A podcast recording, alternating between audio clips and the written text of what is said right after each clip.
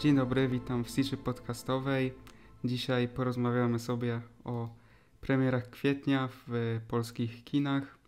Jest dzisiaj ze mną Dominik, Witam serdecznie. Tymek Cześć. i Filip. Cześć. I w sumie zaczniemy sobie od. y, nie będziemy lecieć jakoś tak chronologicznie, jak wychodziły filmy, y, tylko po prostu zaczniemy w sumie od premiery, która wydaje mi się, że jest najciekawsza z tego miesiąca, która podzieliła chyba wszystkich i widzów, i krytyków, i pewnie nas też. Mm, Zobaczymy, czy będziemy się bili o ten film.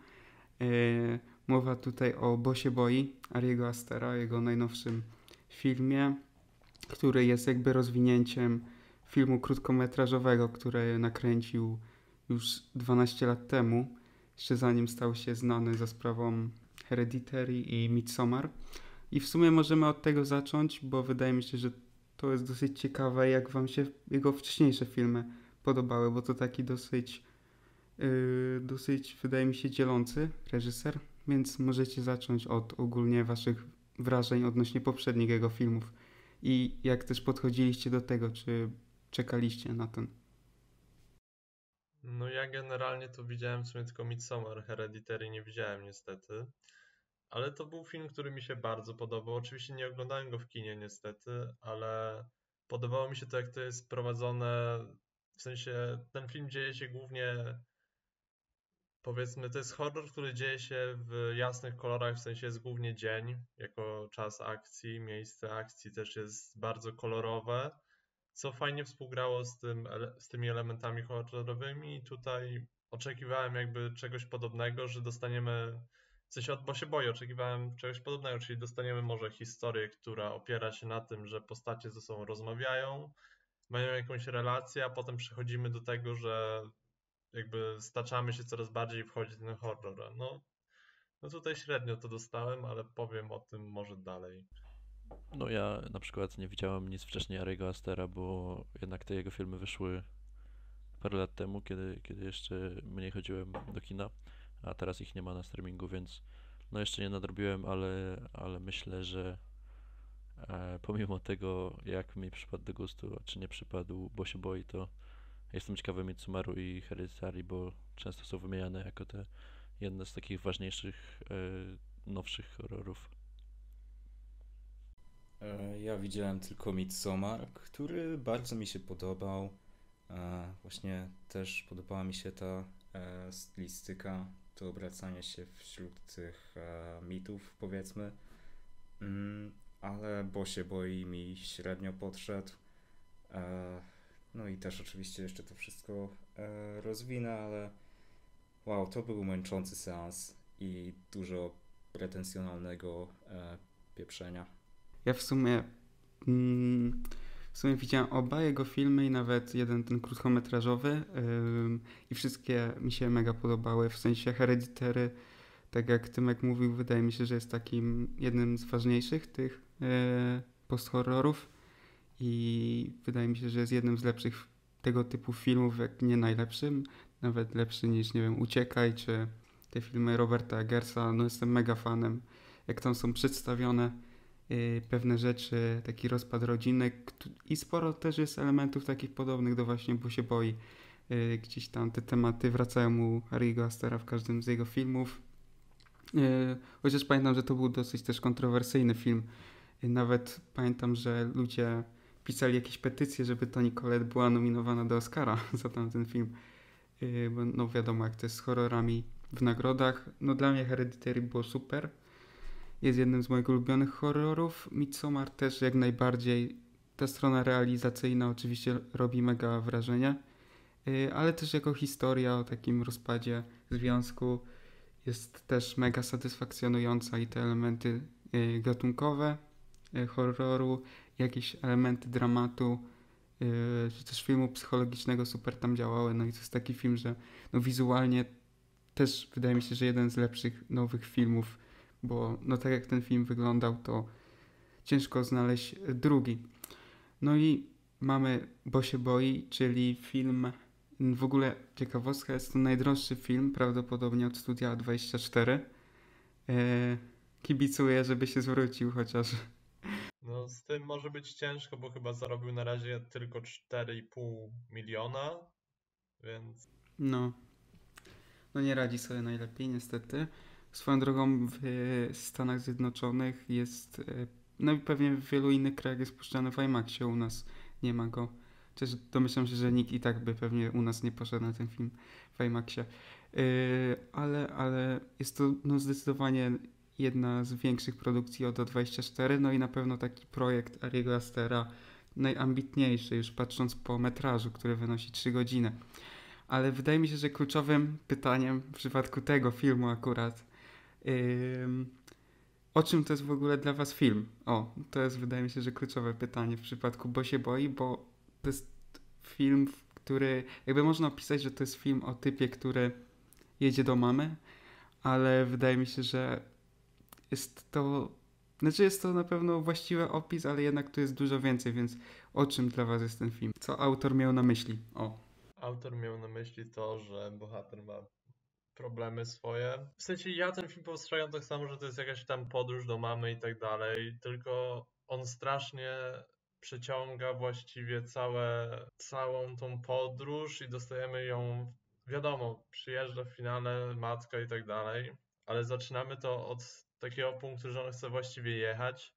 To jest bardzo przeciągnięte, a potem mamy bardzo przeciągnięte to, że przez chwilę nie może jechać. I jakby pojawiają się tutaj jego przeróżne problemy. I o tym to jest film. O nie, no. O nie. Wojtek mi napisał, że nie mogę mówić spoilerów. No, no dobrze. A to był taki mały. No w sumie mały. Są gorsze. Ale poza tym tego filmie, uwierzcie mi lub nie, ale są gorsze. Ale poza tym to jest taki film, którego ciężko zaspoilerować. To i tak każdy sam musi zobaczyć, żeby jakoś, nie wiem. Bo jakby no tu fabuła jest taka, że on jedzie do mamy, nie? Więc i przy okazji się dzieją jakieś zupełnie dziwne rzeczy, a też ten film jest tak naładowany jakimiś zwrotami akcji lub też niezwrotami akcji, że czy jakimiś takimi dziwnymi wizualnymi scenami, yy, że, że spokojnie każdy może sobie sam obejrzeć. No tylko, że w tym filmie jest problem taki, że można wyróżnić jakby ta podróż, to nie jest do końca właściwie podróż, kino drogi czy coś, bo to jakby siedzimy w głowie bohatera cały czas i mamy właściwie cztery główne punkty, lokacje, wokół kręci się historia tego bohatera i nie wiem, nie ma tutaj żadnego budowania za specjalnie napięcia, żeby jakoś bardziej zrozumieć go. Myślę, że bardziej by to wyszło, gdyby on faktycznie jechał przez całe, nie wiem, Stany, spotykał ludzi i było to rozegrane bardziej pod względem, nie wiem, Joaquin Phoenix mógł, mógłby gra, grać nadal tego Bo, który się boi, ale mógłby grać go pośród ludzi, którzy są w miarę normalni i to by było, wypadało bardziej, lepiej kontrastowo według mnie. To e, mi właśnie jest ciężko powiedzieć, e, o co tutaj chodziło autorowi filmu, e, bo o ile na początku jeszcze można się spodziewać, wiadomo, że film, ogólnie całość jest utrzymana w takim e, niezbyt realistycznym świecie, co już widzimy od początku, gdzie mamy pełne ulice, e, później nagle wszyscy ludzie przemieszczają się w inne miejsce, co jest totalnie tak nierealistyczne, nie? Jakby wszystko jest umowne dosyć. E, I później im, jesteśmy, im idziemy dalej głębiej w film, tym on się mniej z tym ukrywa, coraz bardziej to wchodzi po prostu na pierwszy plan, że tu się dzieją normalne absurdy. Ale e, na początku jeszcze mamy, e, kiedy poznajemy głównego bohatera, samego Bo, to jest to poprowadzone naprawdę taki ciekawy, autorski dosyć sposób, kiedy mamy jego rozmowę tam z podczas, no, z terapeutą, mamy e, te wszystkie jego rozmowy przez telefon, kiedy musi wyjść z domu i po kolei mamy te jego strachy pokazane, związane też z jego e, tym strachem społecznym e, i z tym wszystkim, czym on sobie nie radzi, te wszystkie jego dylematy moralne, to się jakoś powoli rozwija, mamy to, nie ma tam dużo komplikacji, znaczy wiadomo, że są jakieś dziwne elementy, nie, mamy nie wchodząc jakby w szczegóły, mamy kilka takich e, dziwnych jakby scen po prostu, ale później e, kiedy teraz ciężko mi określić, który jest dokładnie moment filmu, ile tam czasu minęło, tak załóżmy z 40 minut, pół godziny może ten początek trwał. Kiedy się przenosimy w drugie miejsce, e, dalej e, było to dla mnie ciekawe, kiedy poznajemy już dziwniejszych ludzi. E, wiemy, że coś jest nie tak. Ten Bo dalej próbuje dotrzeć do swojego celu i dalej jakby skupiamy się na tym bohaterze, ale wydaje mi się, że reżyser coraz więcej, jakby kiedy już zaczyna wprowadzać te mocno absurdalne rzeczy, to e, on nie, nie popuszcza tego, tylko jak już zaczyna mocno, to już idzie tak do końca. E, I no ja się osobiście jakby też zmęczyłem tym filmem dosyć. E, wszystkie sekwencje w lesie, tam jakby przez cały film są jakieś ciekawe elementy, ale jednocześnie to, jak to wszystko było przekazane, to e, no nie podeszło mi i sam finał, o ile tam mamy zwroty akcji i tak dalej, to e, wtedy już nie wiedziałem, co dokładnie chce reżyser powiedzieć. Może on chciał powiedzieć duże rzeczy naraz, może tak powrzucał tutaj e, pewne elementy, o których chciał coś powiedzieć, ale e, i to moim zdaniem jakoś ostatecznie się zgubiło w samej tej formie, którą on tutaj prowadził i, i też zakończenie nie dało mi jakiegoś takiego poczucia, że to jest koniec tej historii bohatera i że coś zostało powiedziane, tylko po prostu się skończyło. Ale, ale myślę, że podczas analizy takiej dokładniejszej tego filmu e, można tam jeszcze coś z tego wyciągnąć, tylko jeśli chodzi o taki seans w kinie, to e, było to dosyć gubiące. Nie wiem, czy można z analizy tego filmu coś wyciągnąć, bo jakby dostajemy wszystko w twarz, praktycznie te absurdy są bardzo wyraźne i wszystko sprowadza się do, do, tego, że żyjemy w społeczeństwie i też w ogóle chciałbym powiedzieć, że jakby cały prolog to jest najbardziej przystępna rzecz, jaką zobaczycie w tym filmie, więc musicie musicie być, zachować całą energię na resztę seansu. Faktycznie ten film z jednej strony jest taki bardzo y, pretensjonalny w formie, ale y, no tam sporo jest rzeczy na wierzchu, nie? Nie trzeba aż tak głęboko. No, no ja się właśnie z tym wszystkim zgadzam. E, jakby to jest przede wszystkim film o lękach społecznych i też e, to nie tak, że kompletnie mi się nie podobał, bo też e, w wielu momentach e, zobaczyłem siebie, dawnego siebie w Bo, bo wiele lat się zmagałem z podobnymi paranojami. Może nie do tego stopnia, ale e, na jakimś tam poziomie e, mogłem się porównać.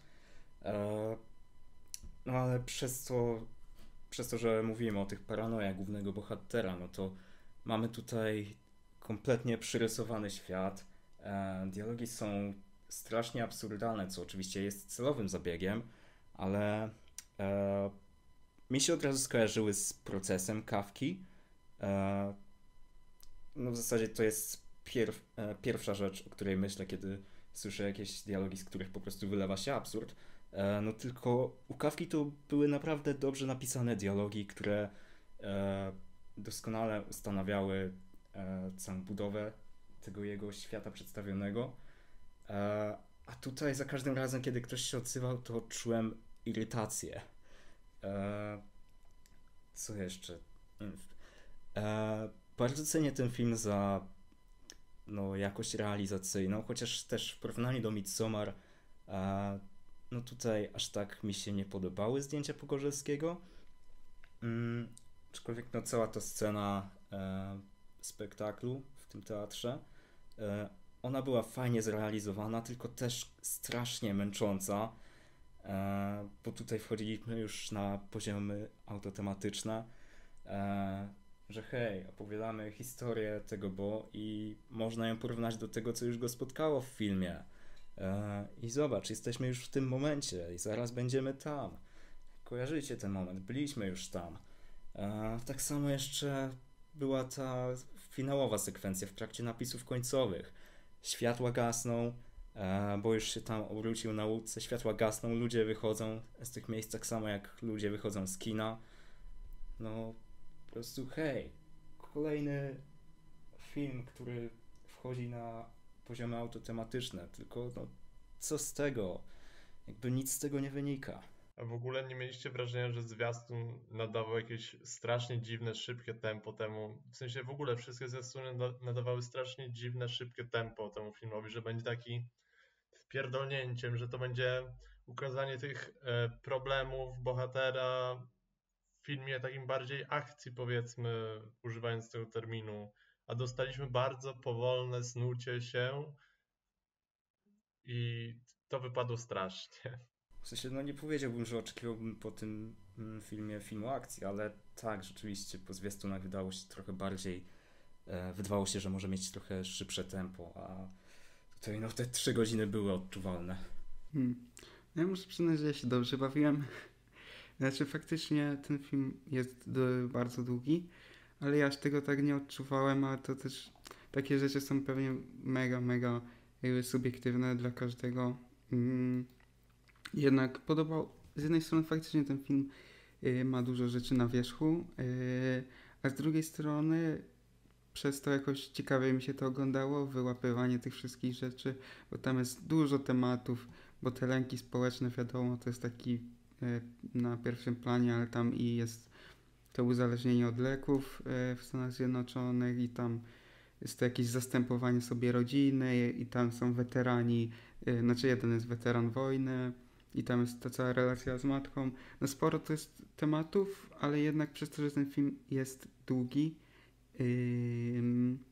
to nie było tego, aż, nie był aż taki natłok tego, nie, wiem jak to nawet powiedzieć, no po prostu nie przeszkadzało mi to. Do tego ten film przez to, że jakby tak jak mówiliście, ma te punkty takie, że najpierw jesteśmy w mieszkaniu tego, bo później jesteśmy tam u tego doktora, i tak dalej, i tak dalej, to jakoś fajnie mi się to oglądało przez to, że ten film się ciągle zmienia, jak ten ostatni film Ostlunda, nie? że tam mamy jakby tak fajnie podzielone to wszystko i nie ma nudy. I właśnie ta realizacja z jednej strony nie jest, nie robi aż takiego dużego wrażenia jak yy, w przypadku Midsommar, ale kurde, jakby każdy film tak wyglądał jak ten, no to by było pięknie, tak, bo ten film no, ma super kadry, ta sekwencja animowana w sensie ta sekwencja animowana to generalnie czarny koń tego filmu w sumie, można tak powiedzieć. Że, że się tak wyróżnia, nie? Najbardziej. Mm -hmm, tak, tak. I w sumie każdy o niej mówi. Ale, ale poza tą sekwencją to inne e, sceny też są bardzo ładnie. I, też e, e, wydaje mi się, że i tak ciągle jest tam sporo rzeczy poza tymi na wierzchu. Znaczy, no to jest na pewno film przeładowany i to będzie taki film który, z którym też trzeba poczekać, jak będzie odbierany za parę lat, czy w ogóle ktoś będzie o nim pamiętał. Też co Ari Aster będzie robił w przyszłości, bo z tego filmu trochę wychodzi to, że może trochę ma za duże ego w tym momencie i tak zbyt duże. Szczególnie po tym, co było słychać, że on tam się bił z A24 o to, że tam chciał 4 godziny i w ogóle jestem ciekaw, co tam wycięli. Ja bym, obej ja bym obejrzał tą 4-godzinną wersję yy, z wielką chęcią. To jest też film, który może sporo zyskać na rewatchu, no bo byłem w, e, w kinie na seansie właśnie z jedną osobą, która już widziała ten film wcześniej i jak potem gadaliśmy, no to mówiła, że wyłapała rzeczywiście parę detali, nie będę mówił jakich, bo to już trochę spoilery, e, no, których e, nie zobaczyła przy pierwszym seansie, e, więc no też ciekawe jak ten film wypadnie, jak go sobie kiedyś powtórzę, e, tylko raczej nie zapowiada się na to prędko, bo hej, trwa 3 godziny. Ale może to też właśnie dobrze zrobi, że poczekam z tym sobie, nie wiem, kilka miesięcy, może rok i podejdę do tego ze świeżym umysłem i może mi się wtedy spodoba. Hmm, też bez spoilerów tak powiem, że zawiodłem się na końcówce tego filmu, bo w poprzednich filmach Ariego Astera zawsze te końcówki dla mnie były takie bardzo oczyszczające dla głównego bohatera. Tu mamy coś przeciwnego, jest bardzo niesatysfakcjonujące dla głównego bohatera i też dla widzów. Y, jest takie bardzo pesymistyczne to zakończenie, jeśli odbieram tak jak tutaj twórca miał na myśli. Y, więc to też trochę taki minus, bo jednak Midsommar miało takie bardzo ciekawe y, zakończenie i takie satysfakcjonujące, a tu jednak tak pewien niedosyt. Truman Show dla ubogich, tak bym to opisał krótko.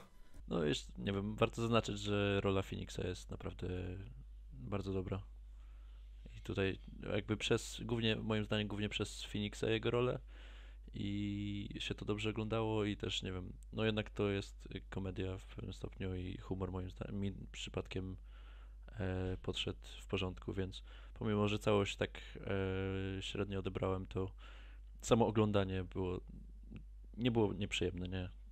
Momentami męczyło, ale, ale było fajne. Ale jeden aktor nie jest w stanie pociągnąć kilku słabych występów aktorskich. Średnich, dobra, nie słabych, średnich występów aktorskich. A, niestety. Hmm, czy ja, a które role wydaje ci się, że były gorzej zagrane? W sensie generalnie to wydaje mi się, że ten film w ogóle skupił się na roli Joaquina Phoenixa, który ma zagrać tą osobę z problemami. Reszta postaci jest bardzo zrównoważona, w sensie aktorów gra bardzo, nie wiem, to jest taki złoty środek aktorstwa, powiedzmy, do grania w takim filmie, że nie za bardzo żadna postać się wyróżnia swoją grą aktorską, oprócz może tej matki mhm. głównego bohatera i tyle. Mhm. Mi się mi się nie podobała, znaczy ogólnie nie, nie, nie mam zarzutów do aktorstwa. To prawda, że są na, na drugi plan zepchnięci, ale jeśli chodzi o samą postać matki, to moim zdaniem była za bardzo na jedną nutę i też nie podobało mi się za bardzo, jak, w którą stronę ten wątek poszedł, co też się wiąże z zakończeniem, z którym się zgodzę, że jest mało satysfakcjonujące. I o ile zakończenie, jeszcze myślałem, że tam coś będzie takiego, co może tutaj mieć fajny twist na końcu, to, to jednak e, no też, też poczułem się zawiedziony trochę. Mhm. No to chyba przechodzimy do kolejnego filmu, który jest trochę na innym biegunie zupełnie. E, czyli Dungeons and... biegunie, bo byli, byli na zimowym biegunie, nie wiem. Nie wiem. A, tak, o to mi w 100% tak chodziło. E, Dungeons and Dragons, Ho Złodziejski Honor, piękny tytuł, e, polski. No i co, mamy tu do czynienia z filmem na podstawie słynnych gier papierowych RPG Dungeons and Dragons. Mamy duet reżyserów Jonathan Goldstein i John Francis Daley. Mam nadzieję, że dobrze przeczytałem. Yy, panowie byli odpowiedzialni, odpowiedzialni za taką komedię Wieczór Gier. Bardzo fajna swoją drogą. Yy, no i co? I jest to wielki powrót fantazy. Znaczy, czy taki wielki, no to chyba wszyscy widzieliśmy box office tego filmu. No nie jest to taki duży powrót fantazy do kina. I raczej na tym filmie się zakończy. Yy, i pewnie do czasu, nie remake'u Władcy Pierścieni nic się w tym temacie nie zmieni. Yy, ale, ale jak wam podszedł, podszedł ten film jako taki powiedzmy, no może jakoś to się uratuje na VOD, yy, więc jako taki start nowej marki i ogólnie jako po prostu film fantazy w kinie w końcu. Przede wszystkim to ja bardzo lubię oglądać przeróżne sesje RPG i trochę szukałem w tym filmie tego, żeby ten film był trochę sesją RPG i był faktycznie zrealizowany w tym kluczu. Tu działy się przedziwne rzeczy. Od scen, nie wiem, od sceny początkowej w więzieniu do pewnej sceny na cmentarzu. W sensie to jest taka przepaść mniej więcej między poziomem humoru tego filmu, bo, bo jest wysoki, można się pośmiać. Tylko brakowało mi trochę tutaj bardziej kurczę, w sesjach RPG te postacie kipią emocjami i tak dalej. Tutaj tego trochę brakowało w tym humorze całym. To był film zrealizowany bardziej w stylu tak mocno nacisku na kino rozrywkowe i nie próbował być tak emocjonalny, jak potrafi być emocjonalna sesja RPG, więc myślę, że to jest taki film, który próbuje być może po części jednym i drugim, ale skłania się do tej części rozrywkowej, żeby widza usatysfakcjonować na co patrzy, że będzie śmiesznie, będą się rzeczy dziać i, i Jonathan wypadnie z tego okna nareszcie. No, mi się, ja, mi się udało być na przedpremierze tego D&D i e, jeśli chodzi o samo D&D, to nigdy nie miałem okazji niestety zagrać, ale bardzo bym chciał kiedyś ale też jestem fanem. Piszcie do Tymka, bo chcę zagrać. też jestem fanem oglądania sesji RPG. Na przykład u nas polskie Spalmy to. To jest w sumie mój główny taki, takie źródło tych sesji. E, ale na przykład mieliśmy ostatnio dosyć.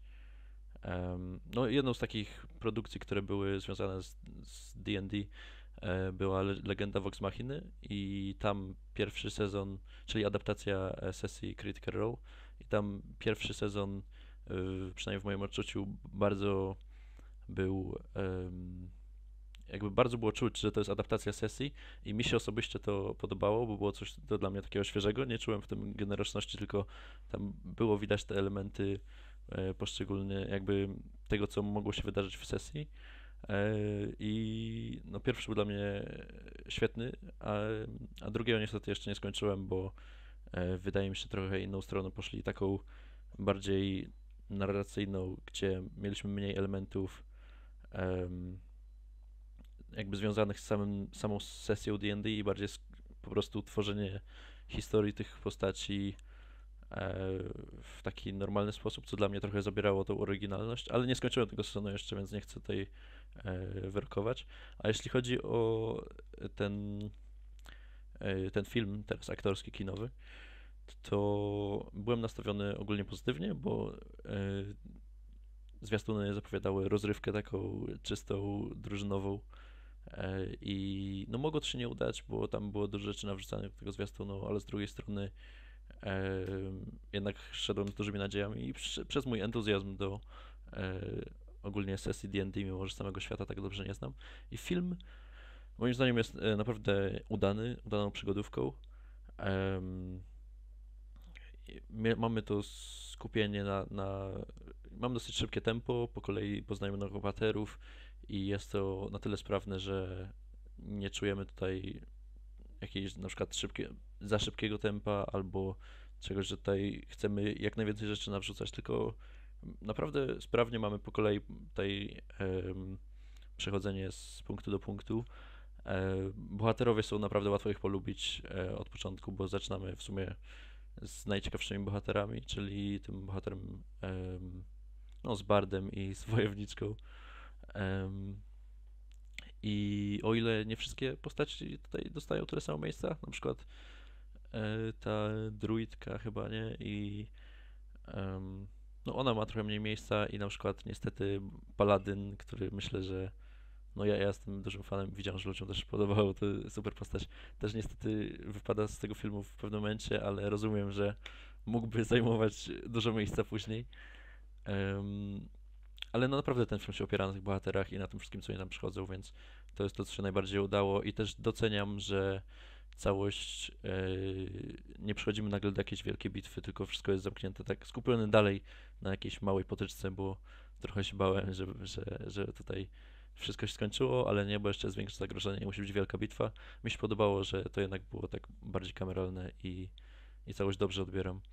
No i w sumie szkoda, że, że raczej nie dostaniemy sequela, bo, bo o ile to nie jest jakiś e, świetny film, jakby jest bardzo fajną przygodówką, to, to myślę, że i tak um, szczególnie ludzie, którzy lubią fantazy, no, no, dostali tutaj trochę to, czego potrzebowali i, i była to jakaś szansa na, na jakąś nową franczyzę w tym gatunku, a, a no teraz może być ciężko. Mi się film całkiem podobał.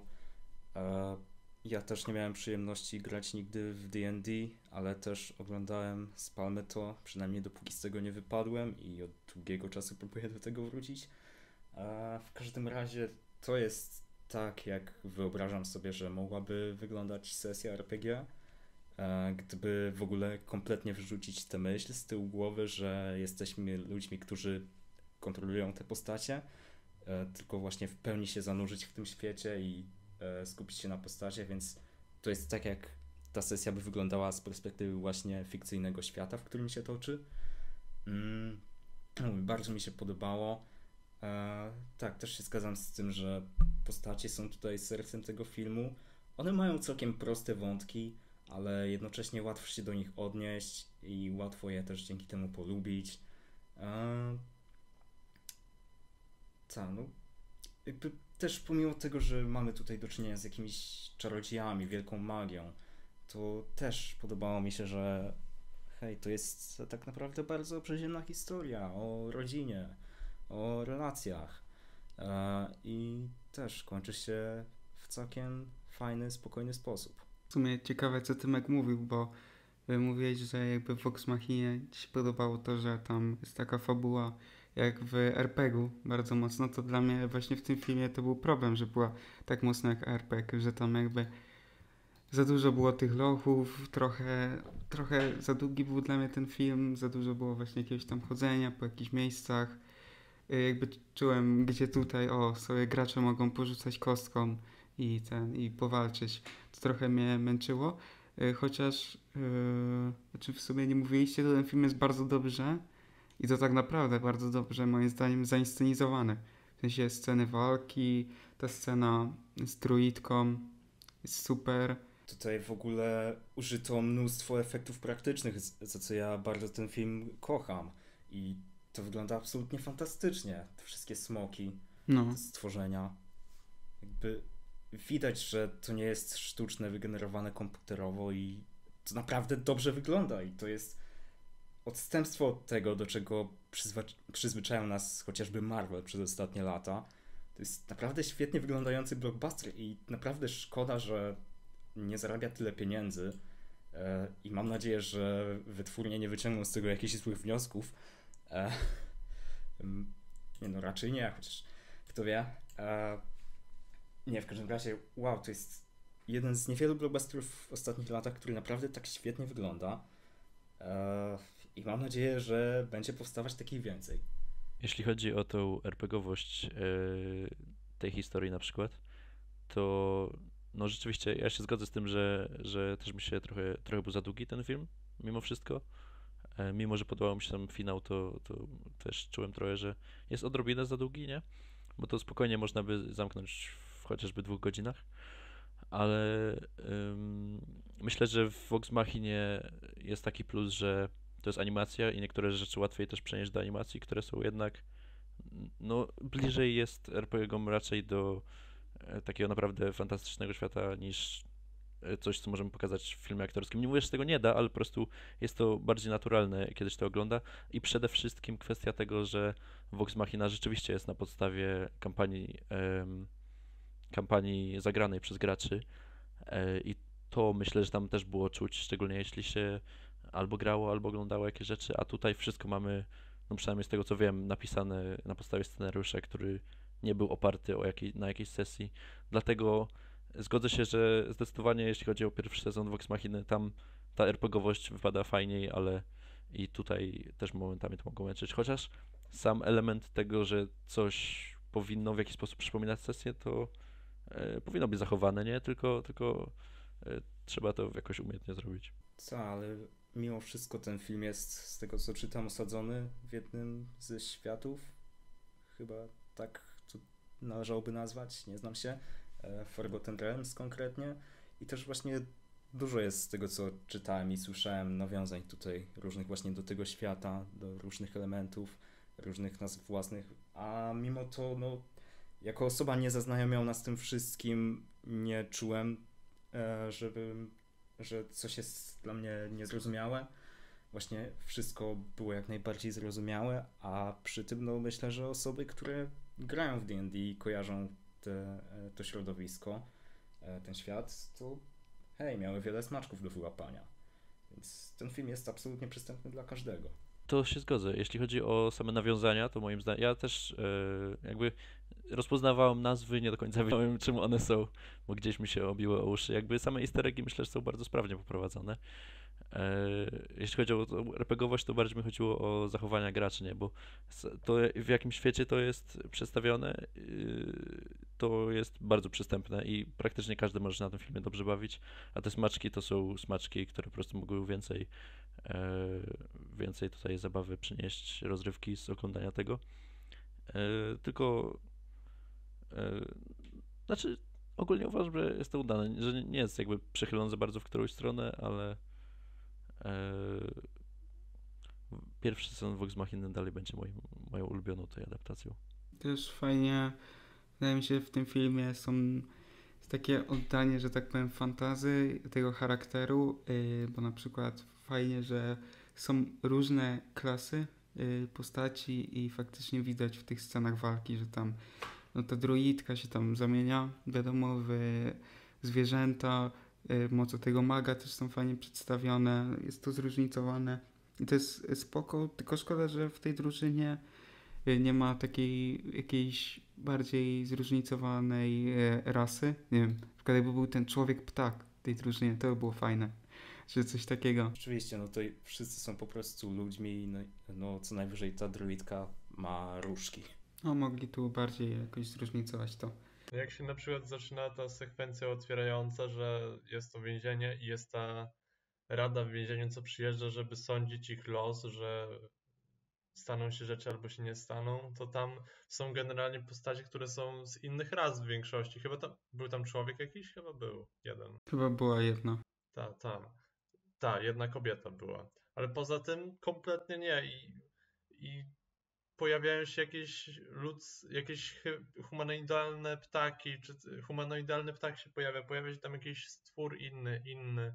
I to jest ja się zaangażowany w tym początku, bo ej, może będzie więcej takich postaci, które będą miały silniejszą relację z główną drużyną, ale nie ma.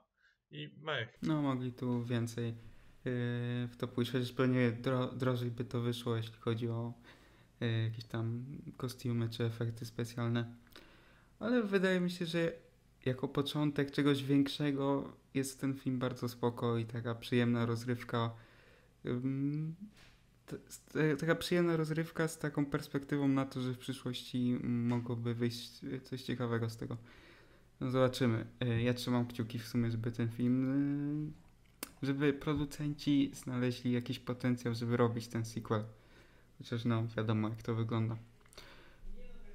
No dobrze, no to przejdziemy sobie teraz do w sumie y, filmu y, zupełnie innego bo do egzorcysty papieża. No, mocny zawodnik w kwietniu.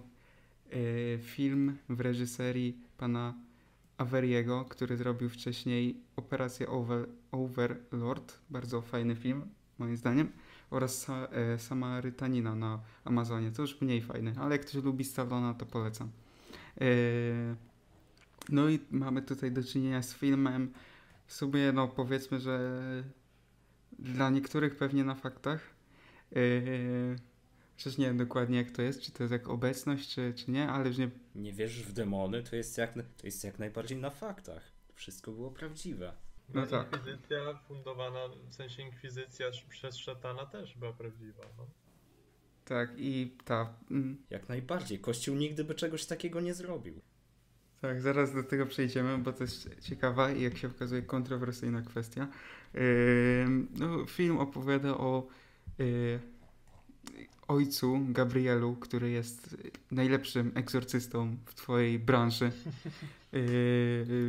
Jego bossem jest sam papież. To wcale nie Jan Paweł II.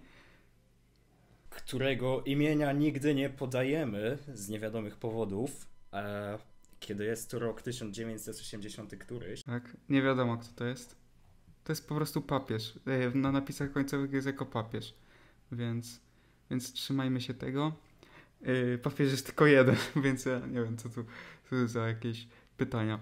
E, ale tak. Mm, no i to mamy do czynienia tutaj z horrorem i już od razu przejdę do mojego takiego głównego zarzutu, że jest to bardzo, bardzo taki konwencjonalny horror o opętaniu. No, Friedkin to to nie jest, znaczy może trochę jest, tylko taki biedniejszy. Yy, więc w sumie to jest film, yy, który opowiada oczywiście o, dziecku opętanym. Yy, kto by się spodziewał. No i oczywiście tutaj nie mamy do czynienia z jakimś codziennym demonem, którym mogą się zajmować jacyś księża tutaj z naszej parafii, jacyś tam biedni, tylko tutaj potrzeba wyciągnąć mocne działa, czyli samego Russella Crowe'a z Watykanu, który jedzie swoim skuterem e, z Watykanu prosto do jakiejś wsi w Hiszpanii. E, no i musi tutaj pokonać demona. I w sumie to jest taki film, że nawet nie wiem od czego tu zacząć, więc po prostu jak wasze wrażenia odnośnie tego? Wspomniałeś właśnie, że to jest najbardziej konwencjonalny horror i ja w sumie się tego trzymam i dziwię się osobom, które twierdzą, że to jest jakieś, jakieś wielkie rozrywkowe dzieło kinematografii, bo tutaj praktycznie główny pomysł opiera, w sensie ten film jedzie na tym, że egzorcysta jedzie na jakiś tam, jakimś tam skuterku i że jest nim Russell Crowe i ten film na tym jedzie i buduje wokół tego jakąś dziwną mitologię, która jest rozwijana e, i nie wiem, powiedziałbym, że to jest film oparty trochę na fanserwisie. Fanserwisie dla fanów, dla katolików? Nie wiem, takiego. Dla fanów kościoła. Tak, dla fanów kościoła, no. Dla twojej babci. Dla twojej... Tylko moja babcia nie pójdzie niestety na ten film. Znaczy, no nie wiem, czy ten film jedzie na tym, że to jest Russell Crowe jako egzorcysta, bo trochę szkoda, że nie jedzie na tym. Ten film się bardzo fajnie zaczyna. Początek je- wydaje się, że być naprawdę ciekawy. Jakby mamy takie, tą przerysowaną postać e, egzorcysty, który po prostu gada o mundialu, że to jest jego największy koszmar, że tam Francja wygrała.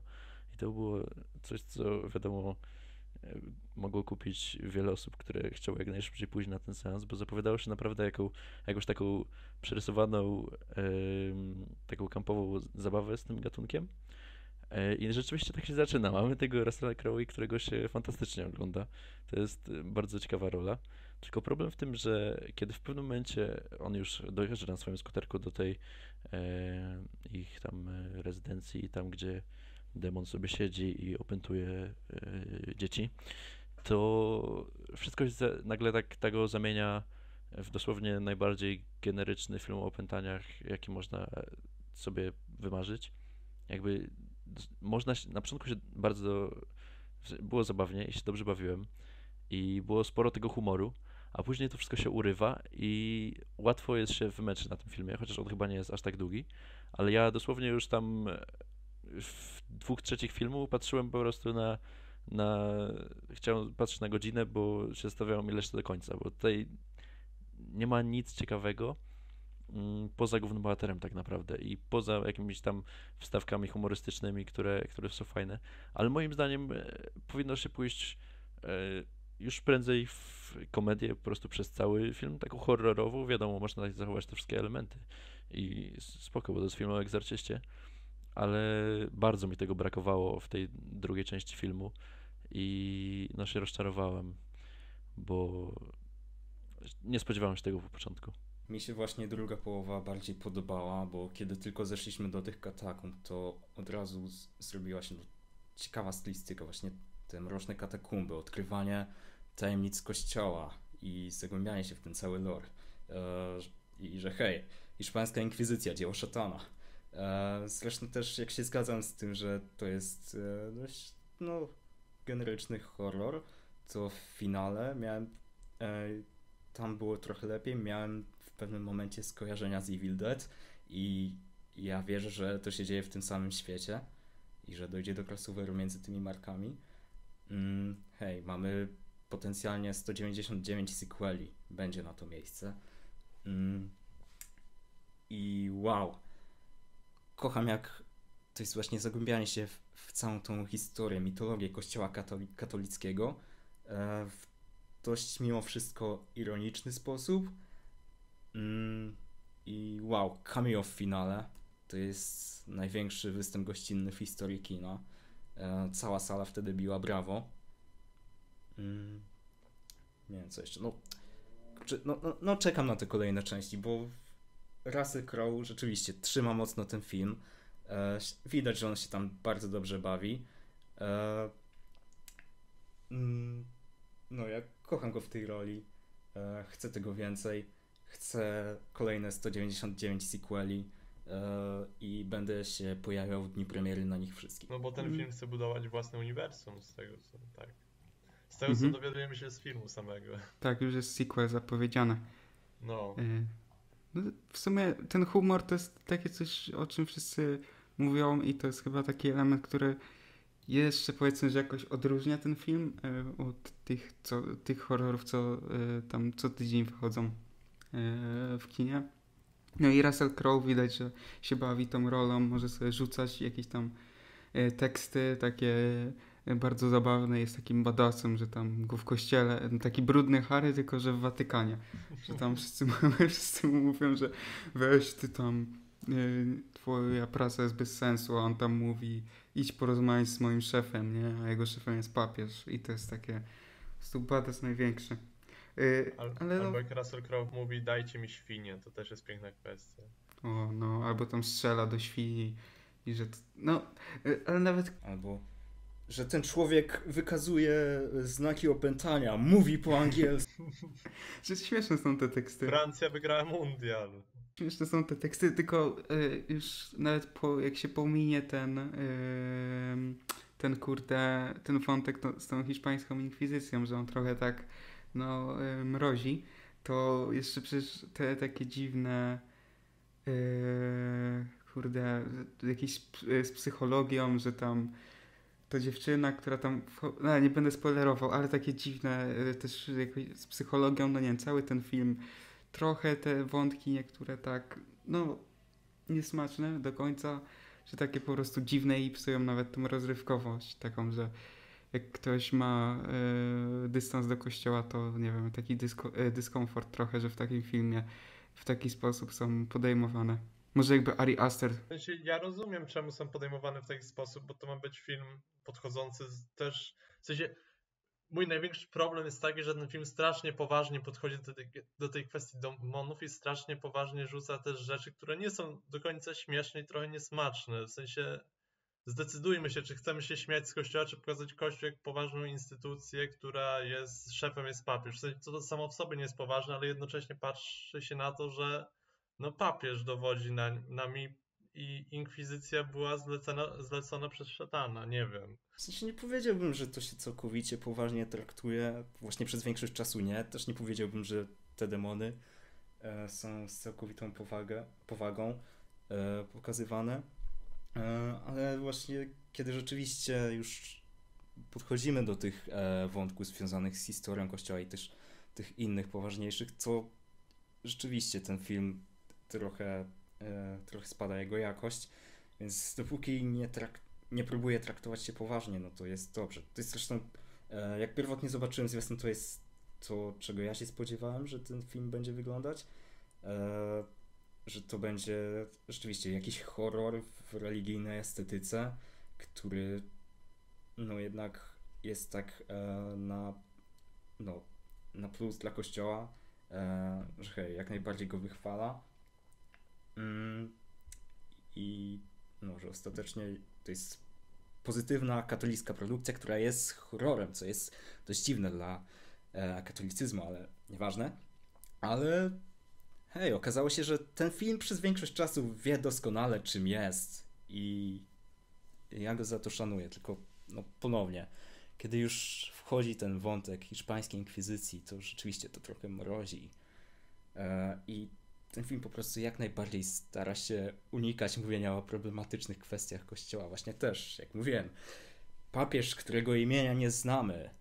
E, nie będziemy w ogóle mówić, kim jest. E, wcale nie dlatego, że papież, który wtedy e, pełnił kadencję, był dość problematyczną postacią i nie chcemy się zanurzać w te problemy. Ale na plus jest ten, jest dla mnie to, że przynajmniej tych dwóch księży te postaci są jakoś tam e, napisane, że w sensie mają jakiś tam konflikt z tym demonem, więc to jest na plus. No i też widać, że to jest film od Sony, więc e, pod, pod koniec może trochę to CGI jest takie, o, widać trochę, e, że jednak jest to film za 18 milionów, ale ogólnie zrealizowany całkiem solidnie, więc to na plus. Tym się na pewno wyróżnia od takich horrorów, co wychodzą co tydzień o opętaniu które zazwyczaj no, nie prezentują wysokiej jakości realizacyjnej, a tu widać, że jakaś kasa na to poszło, poszła.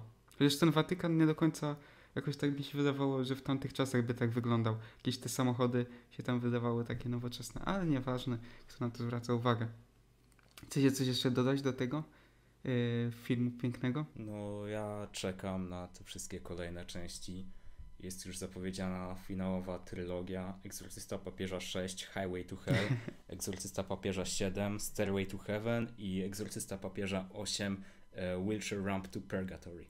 I pamiętajcie, że jeszcze nie widzieliście filmu, żeby zostać na scenę po napisach, gdzie jest e, zbierany, gdzie Russell Crowe zostaje zrekrutowany do zespołu egzorcystów, którzy będą w filmie później grupowym, ale to sami zobaczycie bez spoilerów. Właśnie to jest piękne, bo y, czytałem i prawdziwy Gabriel Amorf e, był e, współzałożycielem Międzynarodowej Organizacji Egzorcystów, jakoś tak to się nazywało, więc można z tego jak najbardziej zrobić Avengers z tego świata. To ja, ja, ja, ja Zróbcie czekam. to, to jest dosłownie przed wami. Mi się film nie podobał, ale jest tu potencjał na, na kolejne filmy, więc historia sama się napisała, proszę to wykorzystać. I Thanosem będzie papież Franciszek. Yy, I będzie się działa akcja w Łodzi. Yy, albo w tym, w Wadowicach, zobaczymy. I, i nas W zatrudnią. ostatnim filmie, w ostatnim filmie Egzorcysta Papieża będzie egzorcyzmować papieża z... Nieważne. Ale to jeszcze trzeba poczekać. Bo to będzie dużo sequeli, tak jak ten. To nowy James Cameron. Będziemy czekać na sequel tam yy, 10 lat, yy, więc, więc... Może polski remake serialowy dostaniemy. O, ale takie coś w Polsce by było ciekawe, jakby zrobili. To, to bym z ciekawości obejrzał.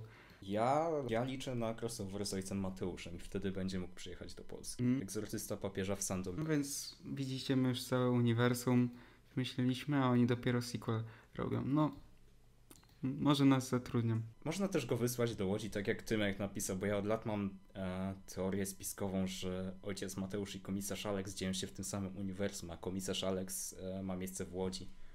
Więc to też da się jakoś połączyć. No dobrze, no to przechodzimy do kolejnego filmu. Yy, znowu ho- horror, chociaż tak nie do końca w sumie, czyli Renfield. Yy, nowy film yy, z Nicolasem Cage'em i Nicolasem Holtem. Jest to film Chrisa McKeya, którego możecie kojarzyć z świetnego filmu Lego Batman i trochę gorszego filmu Wojna o jutro. O jutro, tak? To się nazywało? Chyba tak. On był na Amazonie. Mm, No jest to film, który, którego głównym bohaterem jest Renfield, czyli ten sługa Drakuli. W filmie nad mamy nawiązania do tych pierwszych filmów e, z Belą Lugosi. E, Film w ogóle to ciekawe, jest autorstwa, e, pomysł na film jest autorstwa Roberta Kirkmana i to tego Roberta Kirkmana, którego wszyscy znamy, czyli twórca komiksów The Walking Dead i Invincible między innymi. Yy, No i w sumie film początkowo miał dosyć dobre przyjęcie, tam pamiętam, miał chyba na jakimś festiwalu w ogóle premierę. Yy, I, ale później spadło to i ostatecznie film się okazał wtopą dosyć sporą, bo przy budżecie 65 milionów zarobił tylko 18.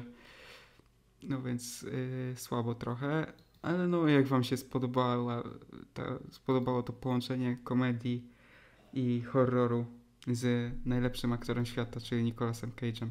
Mm, Co do twórców, to wtrącę tylko, że to jest w sumie wow, ciekawy crossover ludzi. Właśnie mamy Chrisa McKeya od Lego Batmana, Roberta Kirkmana od Invincible, e, The Walking Dead i też za scenariusz odpowiadał Ryan Lidley, który pisał odcinki Ricka and Mortiego i Community.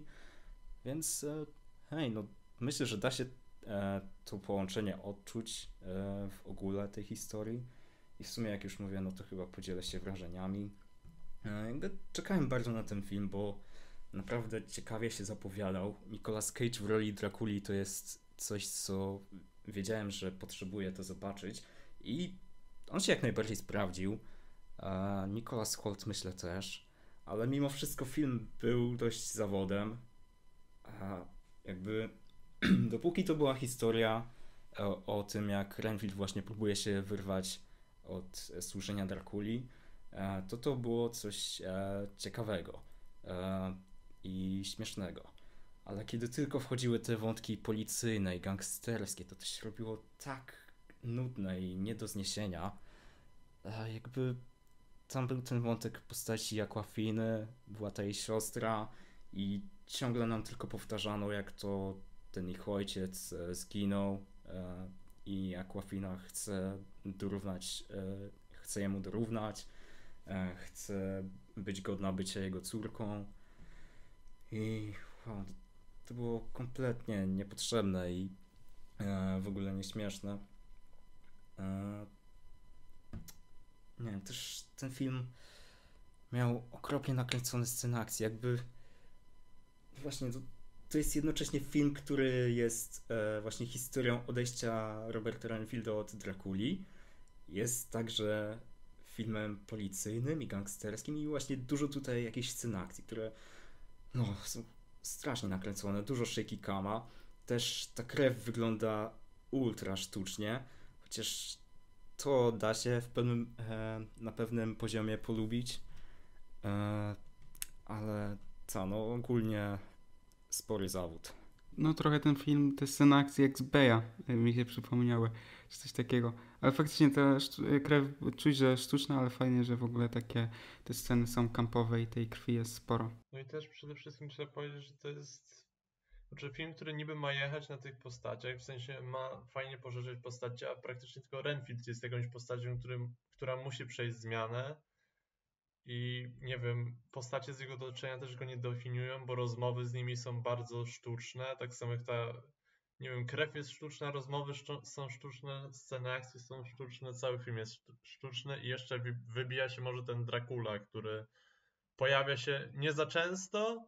i Jego rola jest też strasznie zmarga- zba- zmarginalizowana. No, mało go jest. No, ja też niestety się rozczarowałem na tym, bo spodziewałem się e, fajnej rozrywki. Przede wszystkim dlatego, że mamy Nicolasa Cage'a w roli Draculi, no ale mm, zwiastuny nie były jakieś super, ale wydawało mi się, że i tak będzie lepiej, że będę się w porządku bawił przez chociażby Cage'a, tylko problemem jest, tak jak powiedzieliście, między innymi ten wątek gangsterski, który tak nie pasuje do, do samego tematu Drakuli i tego, co się dzieje w tym filmie, że po prostu tak abstrakcyjnie nie, nie powinno się znaleźć w tym filmie. Jakby e, nie wiem, jaki był pomysł wyjściowy tutaj reżysera, ale e, o ile przeniesienie tego Drakuli w współczesne czasy może być fajne, to to było męczące i no, cały film ratuje praktycznie wszystko, co jest związane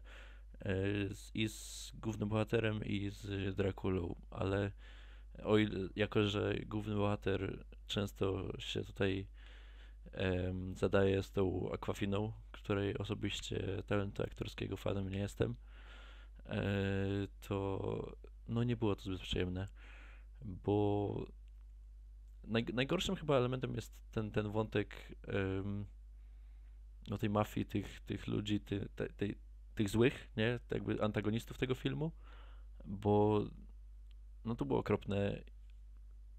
Jakby narzekam na ten jeden wątek, ale to jest to, co psuło mi cały seans, bo reszta wydawało się naprawdę ok. I ten początek z Draculą, e, jak on tam jest poraniony i tak dalej, musi się regenerować.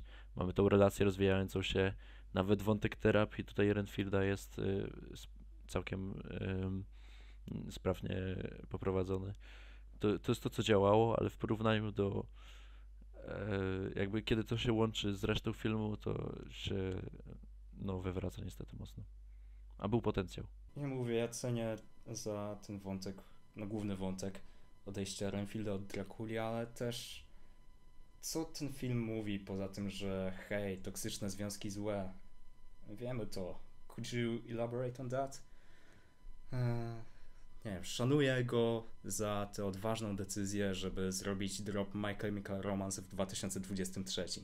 Tutaj też było dużo emocji na sali, tylko co ciekawe, one wydobywały się tylko z jednego rzędu, w którym ja siedziałem. Jeszcze odnośnie Renfielda, to y, tym jak mówiłeś o Aquafinie, która faktycznie też jakoś w tej roli, no już ona trochę gra na jednej nucie, ale też na przykład y, Ben Schwartz, którego bardzo lubię, jak w roli gangstera jakoś w ogóle mi to nie pasowało. Mm.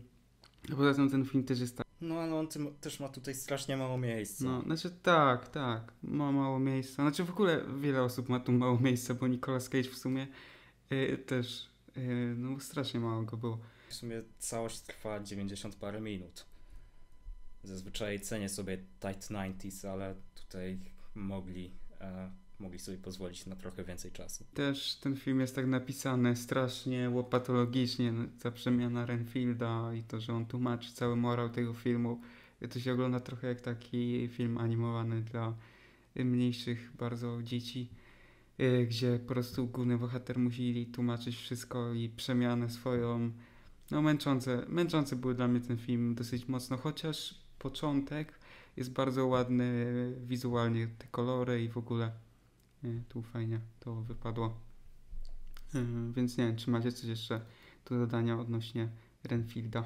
E, chyba możemy przejść dalej, zwłaszcza, że nagrywamy już godzinę z tego co widzę, a nie jesteśmy nawet w połowie listy. Spokojnie, tam nie wszystko musimy omówić. Przechodzimy teraz do filmu, którego ja nie widziałem. Ważne, żeby była kicia kość. Ważne, żeby była Kicia Kocia. Teraz przechodzimy do filmu, którego ja nie widziałem, mimo że jestem ogromnym fanem marki, z którego on pochodzi, ale wkrótce go zobaczę, czyli Martwe Zło Przebudzenie. Y, Więc ja może będę zadawał pytania, jako że jestem fanem i nie widziałem tego filmu. Y, Bo wydaje mi się, że Martwe Zło to jest chyba moja ulubiona seria w ogóle horrorów. No raczej tak, raczej tak, więc, więc tak. Ja bym może zaczął od takiego pytania, które, które wiele osób zadawało przed premierą. E, bo ogólnie Martwe Zło to jest e, to jest powiedzmy, że piąta część jakby w tym cyklu, e, nie licząc serialu. E, I mamy takie dwa jakby nurty w tej serii, bo z jednej strony mamy Sama Raimiego, który robił bardzo kampowe filmy z masą humoru, nastawione na gore, takie bardzo przerysowane, takie, że ta krew nie wygląda. No jest taka bardzo prze, przerysowana. A z drugiej strony mamy film e, remake w zasadzie Fede Alvareza, który też bardzo lubię, z 2013 roku, w którym mamy e, taką stylistykę bardzo arthouse'ową, bym powiedział, taką realistyczną. Widać, że to nie robi do końca, że to robi e, twórca z inną wrażliwością, no tak bym to powiedział, bo to jednak nie jest też, e, Fede Alvarez jest chyba z Urugwaju, więc e, on trochę inny styl też ma kręcenia. No i to był film bez humoru za bardzo, z, z taką bardzo realistyczną. Yy, I gdzieś tam od początku mnie interesowało, yy, jaką drogę obrał nowy reżyser Lee Cronin, yy, który wcześniej w sumie nakręcił taki sobie horror Hall in the Grand. Mm, I jaką on stronę obrał? Czy obrał bardziej w stronę humoru, bardziej w stronę arthouse'u? Jak wy odbieracie ten film? W sensie generalnie to jest według mnie, jak powiedziałeś o tym filmie Alvareza, to jest według mnie film Alvareza, ale o wiele lepiej w sensie jakby rozegrany, bo jakby rzeczy opierają się jeszcze bardziej na tych relacjach międzyludzkich i to, nie wiem, cały czas czułem ten balans jednak doświadczenia, że oglądam losy tych bohaterów, którzy są ze sobą bardzo blisko i ma, mają ze sobą jakąś relację, co jest nakreślone przez w sensie bardziej powolną pierwszą połowę, może pierwsze pół godziny filmu i potem przechodzimy do prawdziwego mięsa, które jest bardzo satysfakcjonujące. No ja bym powiedział, że to jest też może nie do końca w pół drogi między Alvarezem a Raimim, bo jednak brakuje tutaj tego kampu i wow, mam nadzieję, że jeśli powstanie kolejny film e, Evil Dead, to wrócą tam do kampowej natury tej serii. E, właśnie tutaj jest jednak bliżej tych poważniejszych wątków, podobnie jak e, film Alvareza, tylko są one lepiej zrealizowane, bardziej rozwinięte moim zdaniem niż e, ten wątek uzależnień głównej bohaterki w, e, w filmie z 2013. Mm, no i tak, te relacje rodzinne tutaj stanowią siłę filmu. Jednocześnie mamy nową lokację, no bo nie jest to już ta typowa chatka w lesie. Tam co prawda jedna chatka w lesie się pojawia na początku, ale to nie jest też ta klasyczna, którą możecie kojarzyć, więc za to plus, że nie szczuli tam nostalgią czy czymś. E, No właśnie, mamy nową lokację, która wprowadza dużo świeżości. Jest dzięki temu e, mnóstwo nowych pomysłów e, i różnych rzeczy, które jakoś trzeba obejść. Jakby, hej, no, ponownie wracając do chatki w lesie, no, zawsze to się dzieje w tym małym gronie osób. E, Ktoś jest opętany, powoli kolejne osoby też są i, i hej, jedna osoba musi sobie z tym wszystkim poradzić i są w zamknięciu. No i tutaj co prawda też są w, w zamknięciu, no ale nie w takim samym środowisku, a do tego poza tam pięcioosobową e, grupą osób, jaką tutaj jest rodzina, to mamy też sąsiadów, którzy też jakoś muszą sobie z tym radzić. Ale może nie będę za bardzo też wchodził w spoilery. Mm. Nie wiem. E, pomyślę jeszcze, e, jak ktoś inny teraz powie. Ja y, też, y, odkąd w zeszłym roku zacząłem oglądać serię Evil Dead, to z czasem im, im dalej, tym coraz bardziej lubię tą serię i coraz bardziej doceniam. I o, il, o ile y, jakby kocham Bruce'a Campbella w roli Asha i to jest jeden z moich ulubionych, chyba mój ulubiony ogólnie bohater em, horrorowy. I ogólnie filmy Raimiego to chyba tak całościowo filmowo właśnie ten film z 2013 roku jest moim ulubionym w tej serii, bo e, jednak jest jakby, no wiadomo, mamy większy budżet i, i, i cała ta realizacja mi podeszła, podpadła do gustu, nie? Ale do tej pory każdy praktycznie film z serii miał coś do za zaoferowania i no rzeczywiście temu Evil Dead Rise naszemu teraz jest bliżej do tego filmu z 2013 roku, ale też idzie trochę w, w swoją stronę. No, jakby najłatwiej zauważyć właśnie zmianę e, miejsca akcji. Mimo, że mamy e, ciekawe nawiązania nie, do, do ogólnie serii i chociażby do Chatki w lesie, to ten film sprawnie moim zdaniem stoi na własnych nogach. Naprawdę się dobrze bawiłem na nim i nie czuć tutaj kopiowania jakiegoś stylu. Jest, jest jakby e, swoim własnym tworem, ale jednocześnie fajnie wykorzystuje elementy, które znamy z franczyzy i nie wiem, są jakieś nawiązania. Na przykład moim zdaniem o wiele lepiej osoba, która zna już serię, będzie się bawić na tym niż, na, niż osoba, która widzi, zna tylko ten film.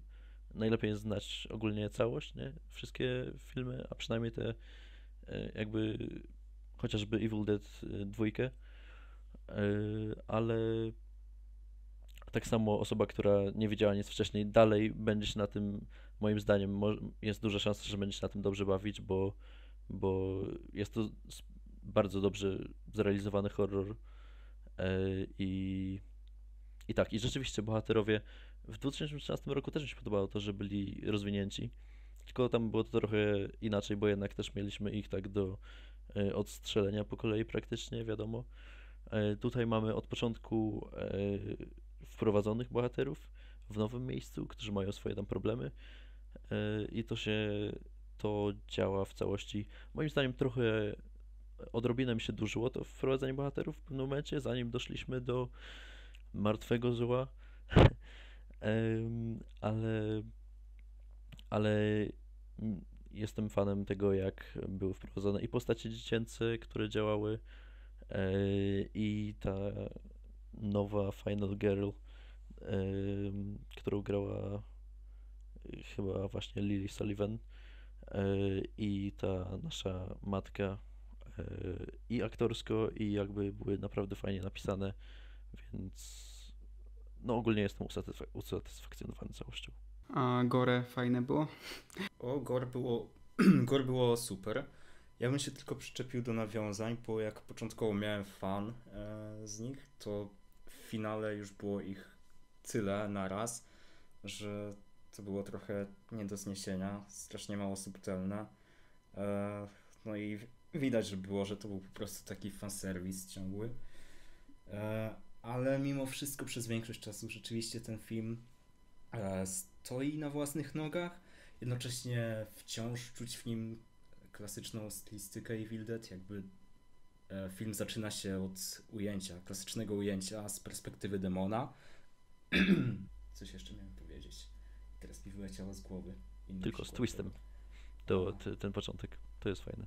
Chyba już sobie tego nie przypomnę. Nieważne. Martwe zło Filipa Openta. No już mamy jednego zawodnika przez demona. Właśnie, właśnie, to co miałem jeszcze powiedzieć, no to, że są klasycznie głosy demonów, w których jakby nie potrafię tego opisać, ale te głosy demonów w martwym źle są tak mrożące krew w żyłach i tak satysfakcjonujące i to tutaj czuć. E, nie jestem pewien, czy e, osoba, która podkładała głos pod demony, to była ta sama, co w poprzednich filmach, ale no czuć po prostu dzięki temu ten klasyczny vibe martwego zła. Czyli jest to film gdzieś tam, który oddaje klimat tych starych części, dodaje trochę swojego. No jest to miks, tak? Wszystkiego, jeśli y, dobrze gdzieś tam wywnioskowałem. Miks wszystkiego i w nowym settingu, bo jesteśmy jakby w mieszkaniu w bloku i, te, i to jest fajne, że jesteśmy nareszcie w czymś nowym. To brzmi naprawdę dobrze. Mnie zachęciliście na pewno, żeby pójść. Eee, Więc macie coś jeszcze do dodania odnośnie Martwego Zła? Teraz się dopiero dowiedziałem, że Bruce Campbell miał cameo w tym filmie. 10 dni po A ja właśnie wyłapałem za pierwszym razem Tak? i jestem z tego dumny. Ja nie. Oj, oj, Ja myślałem, że to jest zobaczymy. coś, co było już wcześniej. No, ja podchodziłem do tego z myślą, bo wiedziałem, że ma się w jakiś sposób pojawić, więc A okej, ja byłem myślałem właśnie, że go ma nie wow, być. jestem, jestem zaskoczony, że mi się udało go w ogóle wyłapać. Będę bacznie oglądał. Zobaczymy, czy mi się uda.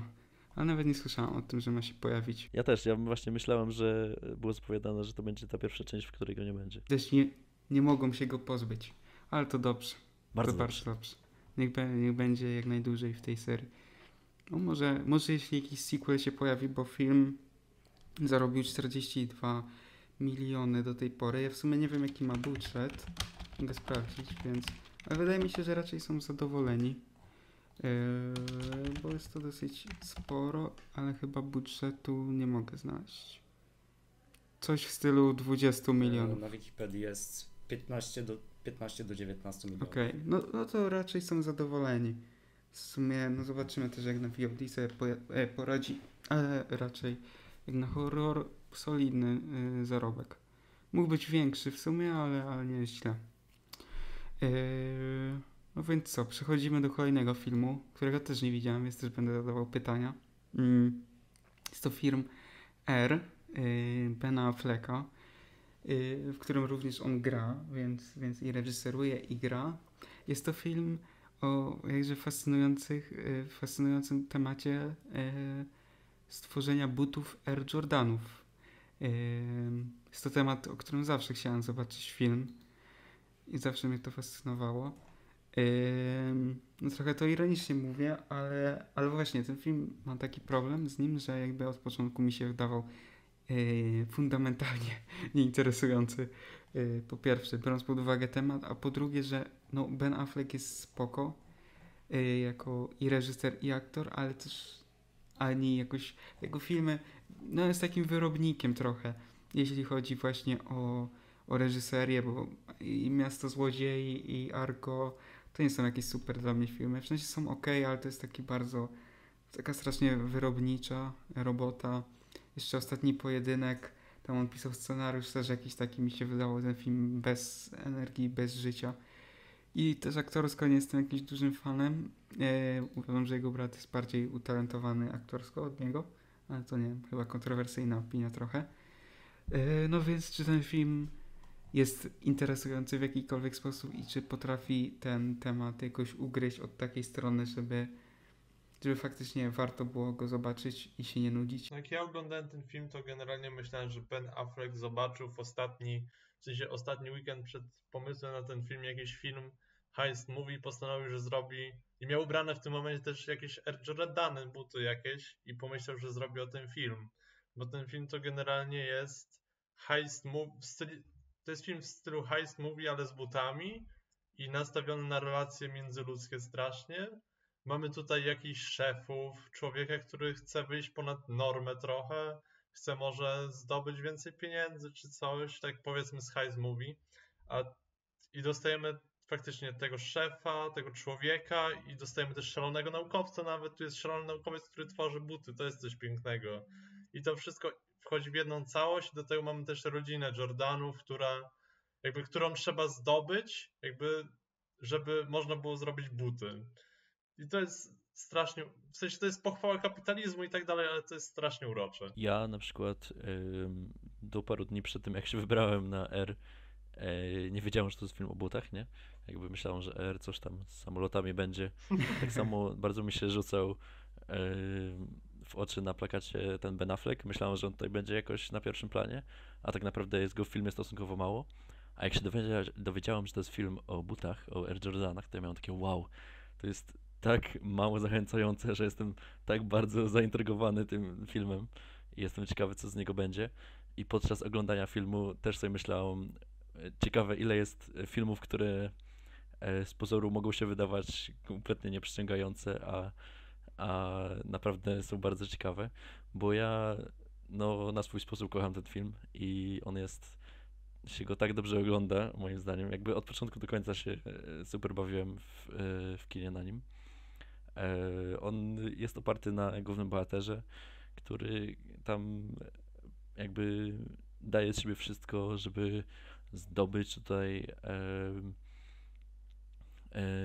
Jordana i żeby, żeby odnieść sukces i e, jakby postawienie butów i tego tam potrzeby tego celebryty, który ma ich reklamować, jako ten główny cel i jako tę rzecz, którą na przykład mamy scenę, w której e, Matt Damon ogląda telewizję i tam sobie przewija, bo widzi coś w telewizji jakiegoś jakby mecz Michaela Jordana i coś tam zauważa. Jest, jest do tego taka dosyć epicka muzyka. On coś widzi ważnego, a to po prostu jest człowiek, który ogląda jakiś mecz w telewizji, bo musi coś zrobić z butami.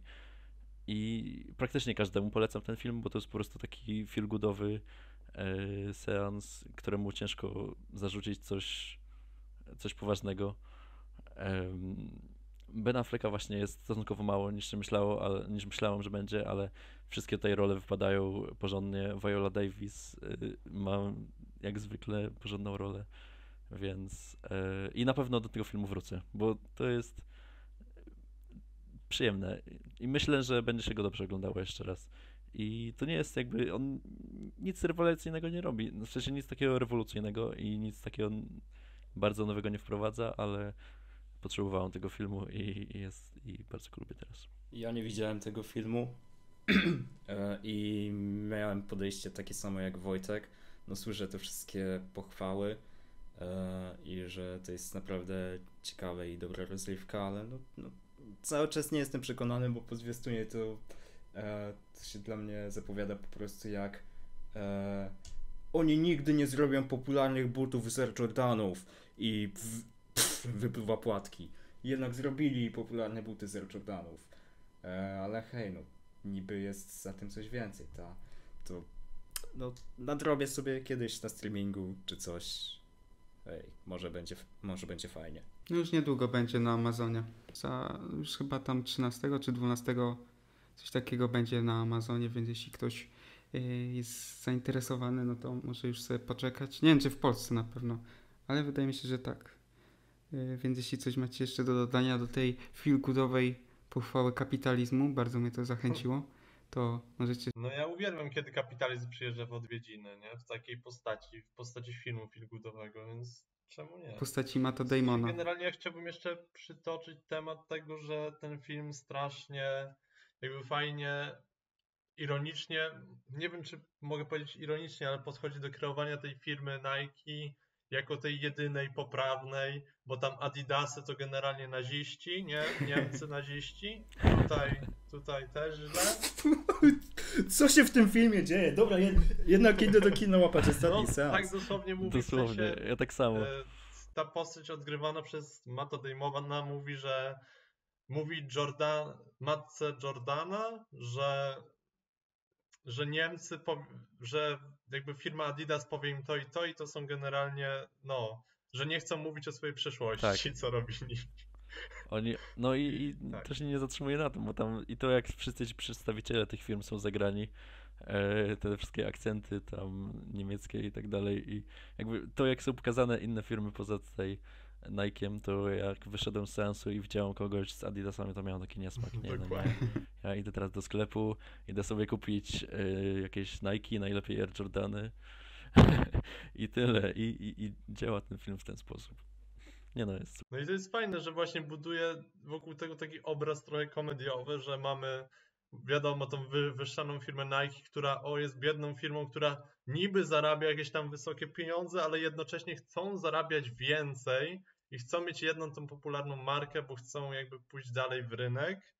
No, choć zarabiają wielkie pieniądze, ale chcą zarabiać dalej. To jest taki American Dream straszny, że Amerykanie tylko mogą zdobywać pieniądze i to są tacy w Nike są tacy swoiści Amerykanie, którzy chcą dorobić się pieniędzy na gwiazdach i na innych rzeczach, a reszty, reszta firm to są złe firmy, bo są generalnie niedobre, proponują złe warunki, są faszystami albo innymi złymi ludźmi i tyle. Koniec. a jednocześnie działa, bo mamy tutaj oparcie tego na ludziach Tak. i na bohaterach, który jak to się nie uda, to oni stracą pracę, oni już nie będą mieli życia, nie będą mogli utrzymywać dzieci i tutaj mamy naszych protagonistów, bohaterów dobrych, którymi kibicujemy cały czas, a nie po prostu naziści. No więc można powiedzieć nawet, że w R jakby wszystkie postacie są jako tacy trochę kurczę, każda postać pracująca w jakiejś firmie to jest taki trochę heros. W sensie on nie ma do końca żadnych problemów takich, wiecie, e, prywatnych. On ma jedyny problem, którym jest firma i sprawienie, żeby ta firma jak najlepiej zarabiała. I to jest strasznie dziwnie, ciekawie pokazane. Czyli mamy przyjemny film o kapitalizmie i o tym, że e, żebyście nie kupowali Adidasów, bo to Niemcy. E, W Polsce się na pewno przyjmie w takim razie ten, e, ten morał. E, Dobrze. Teraz przechodzimy do filmów, które e, były widziane tylko przez e, jedną osobę. Tak mi się wydaje, że chyba teraz przechodzimy do takich. Zaczniemy od Suzume anime, kolejne anime w polskich kinach. Ostatnio sporo tego w sumie, bo był ten e, niedawno Sword Art Online, e, jeśli dobrze pamiętam ten tytuł. E, był Dragon Ball, był, był One Piece, więc była Bell, e, więc sporo tego w ostatnim czasie. No i mamy Suzume e,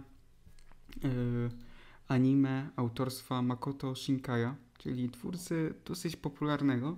W sumie wydaje, wydaje mi się, że to chyba taki najpopularniejszy teraz twórca filmów anime. Jeszcze jest Mamoru Hosoda, więc w sensie na pewno Shinkai więcej zarabia, ale dla mnie jakby Hosoda jest trochę wyżej od, od No tak, no e, ja jeszcze nie widziałem nic od Sody, ale muszę to sobie nadrobić. A Suzume, czyli Makoto Shinkai, no to pewnie kojarzycie Your Name albo, albo nie, Ogród Słów, 5 cm na sekundę. E, takie melodramaty bym powiedział. Czy tam Ziemia kiedyś e, nam obiecano. Melodramaty. Melodramaty z tego co widziałem tego twórcę, na razie mam o nim zdanie niezbyt pozytywne, bo wydaje mi się, że to jest trochę taki chłop, który robi takie filmy, e, jakby to powiedzieć, wrażliwość trochę e, piętnastolatki i takie strasznie melodramatyczne na siłę, że tam o chłop se jedzie pociągiem, ale śnieg i nie dojedzie do dziewczyny.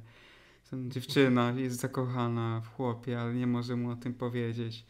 I cały dramat o tym. Y, No trochę jest to dla mnie męczące, y, taki trochę Guadagnino dla ubogich, ale ale, y, ale no tutaj Dominik chyba jako jedyny widziałeś Suzume i jak tutaj ci się podobało y, chodzenie z krzesłem? No ja generalnie to ja bardzo pana Shinkaya oglądam, w sensie nie mówię, że lubię. W sensie, ja mam do jego filmów straszne podejście, bo ja go nienawidzę i lubię tylko jeden jego film, którym jest y, ten y, Your Name, bo to jest według mnie bardzo przyjemna historia o ludziach, którzy chcą być razem, a nie mogą. Co, co jak powiedziałeś, to się powtarza w jego filmach, ale w tym akurat filmie mnie to jakoś urzekło. Jakimś cudem spośród tych wszystkich filmów, które opierają się na tym samym. I to Suzume jest kolejnym filmem Makoto Shinkaya, który się opiera na tym, że oni jakaś re, jest relacja między postaciami i one chcą być ze sobą. I to jest już kolejny film Makoto Shinkaya zrealizowany w tym kluczu. Tylko tutaj jeszcze, wiadomo, Makoto Shinkai miał jeszcze filmy z elementami fantastycznymi, ale tutaj jest tutaj próbuje zbudować taki przyziemny, mocno oparty na fantastycznych elementach świat. No nie do końca mu to wychodzi, bo mamy biegające krzesło, w sumie czasami się pojawią jakieś większe elementy fantastyczne, znaczące dla całego świata, ale są one strasznie, w sensie one dla mnie strasznie nie pasują, a z drugiej strony mamy próbę budowania jakichś relacji między postaciami, które wypadają jak w większości filmów Makoto Shinkaya, czyli na początku postacie mają się niby poznać, spotkać, potem się jakoś rozdzielają w jakiś sposób fizyczny czy coś i chcą się jakby znowu spotkać. Nie wiem, ja nie mam dobrego stosunku niestety z tym reżyserem, więc to jest moje zdanie o Czy jest w tym niestety. filmie pretensjonalne pierdolenie o Chopinie we wnętrzu pociągu jeszcze z jakąś e, katastrofą dla ludzkości w tle? Jest pociąg, ale nie ma aż tak, w sensie jest pociąg, ale nie ma aż takiej wielkiej roli i jest katastrofa w tle. Ha, więc tak. Super, tego właśnie potrzebowałem po raz dziesiąty.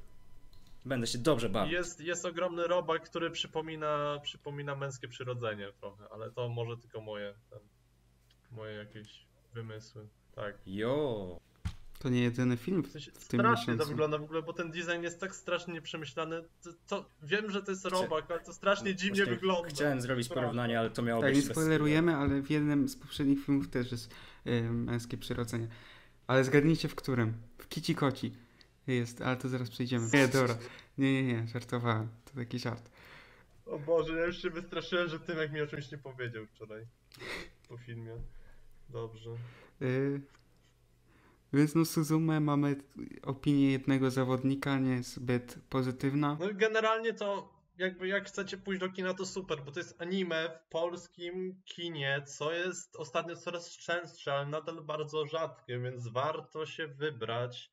Ale jed jednocześnie z drugiej Ja właśnie z tą myślą idę, bo też mam skomplikowaną relację z Shinkajem, ale rzeczywiście anime w kinie to chcę to wesprzeć, bo to się zdarza raz, no raz na rok powiedzmy. W sensie było to Sword Art Online ostatnio, czy coś takiego, czy One Piece, ale to miało strasznie ograniczoną dystrybucję, bo chyba A z drugiej strony weekend. jest to film. A no, tutaj mamy, no już w sumie od No, a z tygodnia. drugiej strony jest to film.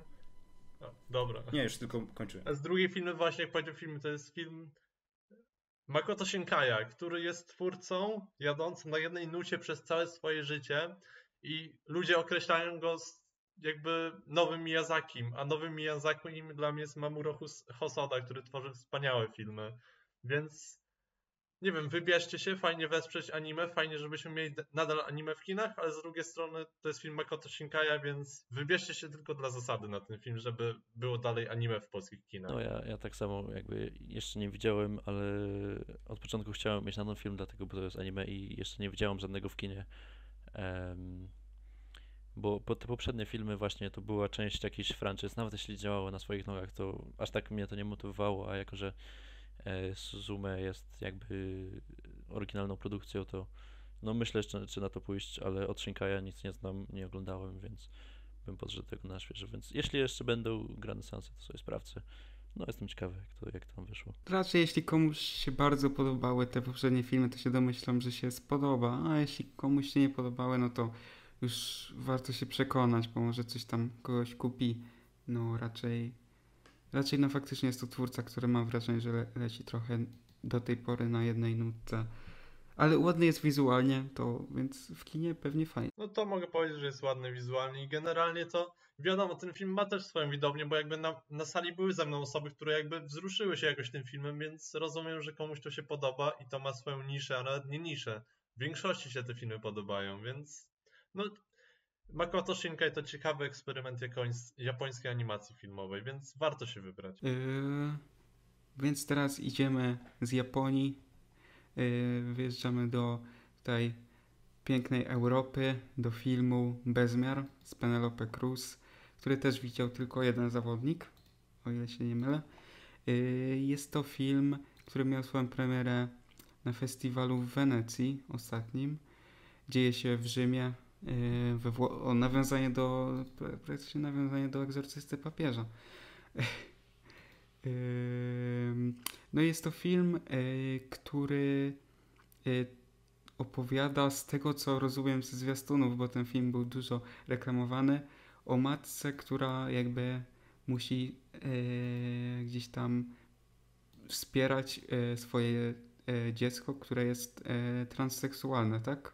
Jeśli dobrze rozumiem po zwiastunach. Tak, ale nie tylko. Ten właśnie ja mi się ten film podobał ogólnie rzecz biorąc. E, jakby dobrze mi się go oglądało i jednocześnie nie jest całościowo satysfakcjonujący, bo on e, przede wszystkim jest e, moim zdaniem bardzo ładnie nakręcony. Zdjęcia są, są dobre. E, aktorsko też stoi na wysokim poziomie i w sumie ta Penelope Cruz jest najbardziej na plakatach, ale głównym bohaterem jest właśnie tutaj Adri, która która e, jakby uznaje, że że uznaje się za osobę płci męskiej, a ludzie w jej otoczeniu no ciężko jest im to zaakceptować, bo i mają tam problemy swoje w rodzinie i to też jest taka właśnie e, takie otoczenie e, no przede wszystkim jest chyba religijne, e, ale nie ma tutaj tego starcia, e, jakby nie jest to na pierwszym planie, że, że to nie jest, że to skrytykowane jakoś przez to otoczenie, tylko bardziej po prostu rodzina, czy to ojciec, czy babcia, tam mówią, że, że ta Adri się jakoś zachowuje nieprawidłowo, ale sam wąt... ogólnie jest bardzo dużo ciekawych pomysłów, nie? I jeden wątek jest tej Adri, inny wątek jest e, samej po prostu przemocy tam w rodzinie i jakby konfliktu e, rodziców, jak to wpływa na dzieci. To jest dosyć e, ciekawie rozbudowane, ale przede wszystkim mamy tu bardzo dobrą rolę Penelope Cruz, która tutaj odgrywa tą matkę, która próbuje sobie z tym wszystkim poradzić, wspiera swoje dzieci przez cały czas, em, no ale jednocześnie ma ciężko i em, i mamy też parę takich pobocznych wątków, tam starcie jakby klas społecznych, jak mamy dzieci, które spotkają się z, em, no, z klasą bardziej robotniczą i tam też zawiązują się relacje. Właśnie Adri próbuje e, tam rozwija się z taką em, też jej dziewczyną, gdzie jest wątek taki przyjacielsko-romantyczny. Em, ale trochę jak takim zarzutem moim tego filmu jest to, że on ma sporo ciekawych rzeczy, ale nie rozwija ich wystarczająco i trochę ta, jakby o ile ta strona wizualna jest doszlifowana i ta forma e, dobrze działa, to po prostu niewystarczająco mamy e, rozwiniętą samą treść. Mamy parę takich wstawek związanych z śpiewem i z tańcem, gdzie e, gdzie główny bohater wyobraża sobie, że stoi na scenie i tam śpiewa i to jest bardzo moim zdaniem dobrze zrealizowane, ale momentami czułem się jakby to e, przerywało mi nagle rozwój akcji. I o ile ten film ma dosyć wolne tempo i to wszystko się rozwija powoli, więc kiedy mamy te wstawki em, śpiewu i tak dalej, e, które przekazują w jakiś sposób emocje e, tutaj bohaterów, to trochę to też przeszkadza w rozwoju. I, i no ten film ma właśnie problem w tym, jak prowadzi po kolei każdy wątek, ale i tak bym go polecił, bo e, uważam, że jest no, całkiem niezły. Mm, Wydaje mi się, że to jest taki film, że ze względu już na tematykę yy, i na to, że chociażby był upuszczany na festiwalu yy, w Wenecji, warto się zainteresować.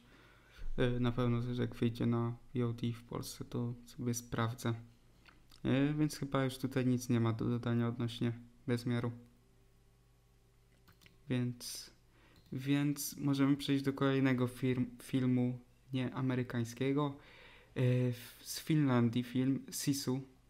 Yy, Jest to ogólnie film taki ze zwiastunów, bym połączenie trochę wojennego, tak chyba z kinem akcji. Jakbyś to Dominik określił. Yy, Co to No właściwie ja bym jest? dodał, prze- przepraszam, że ci się wciąłem, tak, ale ja, mnie już buzuje, bo ja ten film mam z nim. O Boże, coś było słychać w tle, przepraszam. E, ja mam z nim bardzo, powiedzmy, trochę lekko skomplikowaną relację, bo ja ten film lubię, ale jednocześnie ten film mi się trochę dłużył. E, więc jeszcze dodałbym do tego wszystko, co powiedziałeś, że to jest generalnie trochę spaghetti western, tylko że w settingu bardzo jakby skandynawskim generalnie. W sensie skandynawskim, Boże, to się dzieje w... Moja geografia. Finlandia, Finla- tak? W Finlandii. Tak, w dokładnie. Chyba konkretnie. I te zdjęcia strasznie fajnie, nie wiem, kontrastują z tym, jak się robi spaghetti western, czyli wiadomo, jest ten klimat westernowy i tak dalej. Tutaj też jest klimat westernowy, tylko nie widzimy jakby tego oczami, oczami tego właśnie wolnego strzelca czy coś, tylko widzimy to oczami człowieka zmęczonego bardzo życiem, który jakby generalnie chce żyć, chce to swoje złoto mieć, ale musi walczyć z nazistami. No i ten film też jest strasznie jakby dłużący się przez to, że główny bohater ma taką. On jest generalnie takim, powiedzmy, tak, dzisiaj powiedziałem już słowo heros, ale on jest takim herosem, który jest nieśmiertelny dla wielu i może faktycznie taki jest, nie wiemy tego. Może faktycznie jest herosem, ale jakby nadal jest człowiekiem, nadal odnosi jakieś rany i te jego różne przygody opierają się na tym, że jest zawsze bliski śmierci, zawsze jest blisko śmierci i zawsze ucieka od tej śmierci. Nie wiem, strasznie rozrywkowo fajnie to wypada, bo wiemy, że on nie umrze i musimy się jakby jako widz dostosować do tego, on nie umrze, no ale co zrobić, żeby przeżyć? Jak przeżyje? Jak ten człowiek ucieknie od śmierci, jak na przykład, nie wiem, przebiła go kula, został powieszony, a on przeżyje. I bardzo dziwne doświadczenie poznawcze, ale mi to kompletnie w pełni leży praktycznie.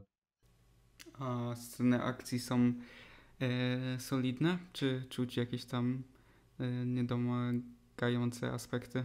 Ja bym nie powiedział, że niedomagające, ale kurczę, ten film bardzo ładnie wygląda. Ma super w pierwszej połowie filmu są te ujęcia, gra światłem i jakby obrazy Finlandii są przepiękne, a trochę w finale przechodzimy do takich bardzo, w sensie pojawia się CGI, trochę nie jest za bardzo, ale no już coś mi nie leży w tym finale, bo wygląda dziwnie trochę. Mm, ja ten film... A Filip, bo ty no, też widziałeś. Tak, właśnie miałem mówić, że też widziałem.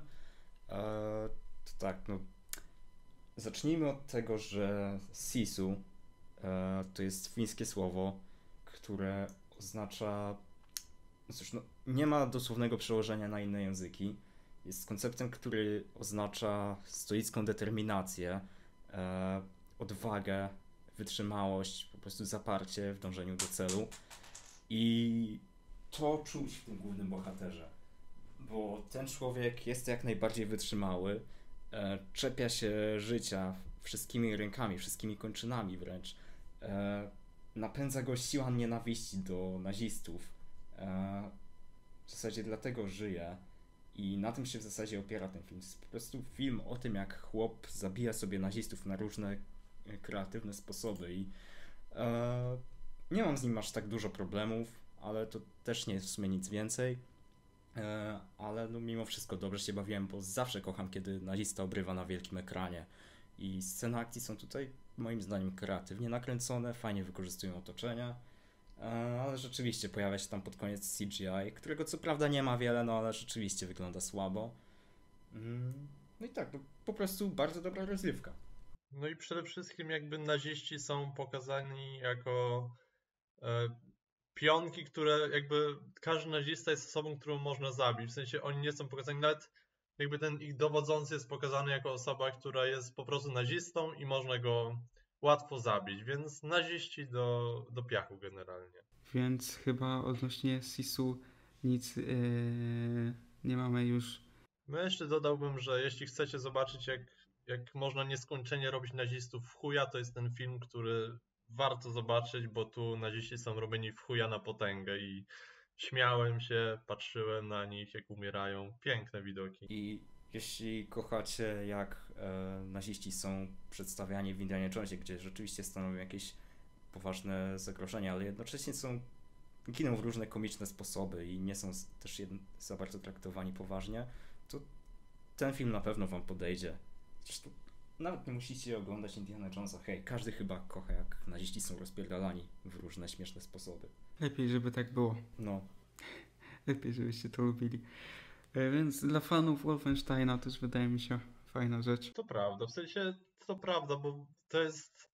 Nie wiem, czy reżyser, może czy twórcy się inspirowali, ale ja tutaj widzę trochę Blaskowicza w tej postaci, który nie może umrzeć. Nawet jak się, nie wiem, jakąś kończynę mu odetnie czy coś, to nie może umrzeć. W sensie tu nie ma odcinanych kończyn główny bohater, ale to jest.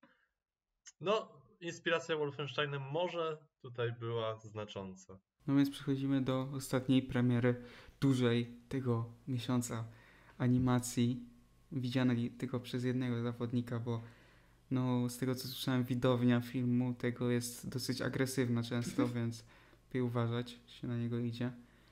Eee, chodzi tu o film Kicia Kocia. który jest polską animacją i jest, y, trwa 45 minut, jest grana w kinach y, i jest ogólnie to serial złożony jakby do filmu właśnie 45-minutowego. Został puszczony w kinach. Tymek, co nam możesz powiedzieć odnośnie? Ja wiele więcej nie mogę dostać, poza tym, że czuję zażenowanie, bo ja się spodziewałem tutaj e, animacji na dużym ekranie. Film tutaj nie musi być pełnometrażowy, może być 45 minut, ale e, o ile rzeczywiście e, twórcy próbowali nas ostrzec na plakacie napisem serial Kicia Kocie na wielkim ekranie, to e, i tak czuję, że ten napis jest za mały i że e, kina zdecydowanie reklamowały go w nieprawidłowy sposób, ponieważ nie jest to serial, nie, nie- jest to film, jest to serial, jest to 7 odcinków.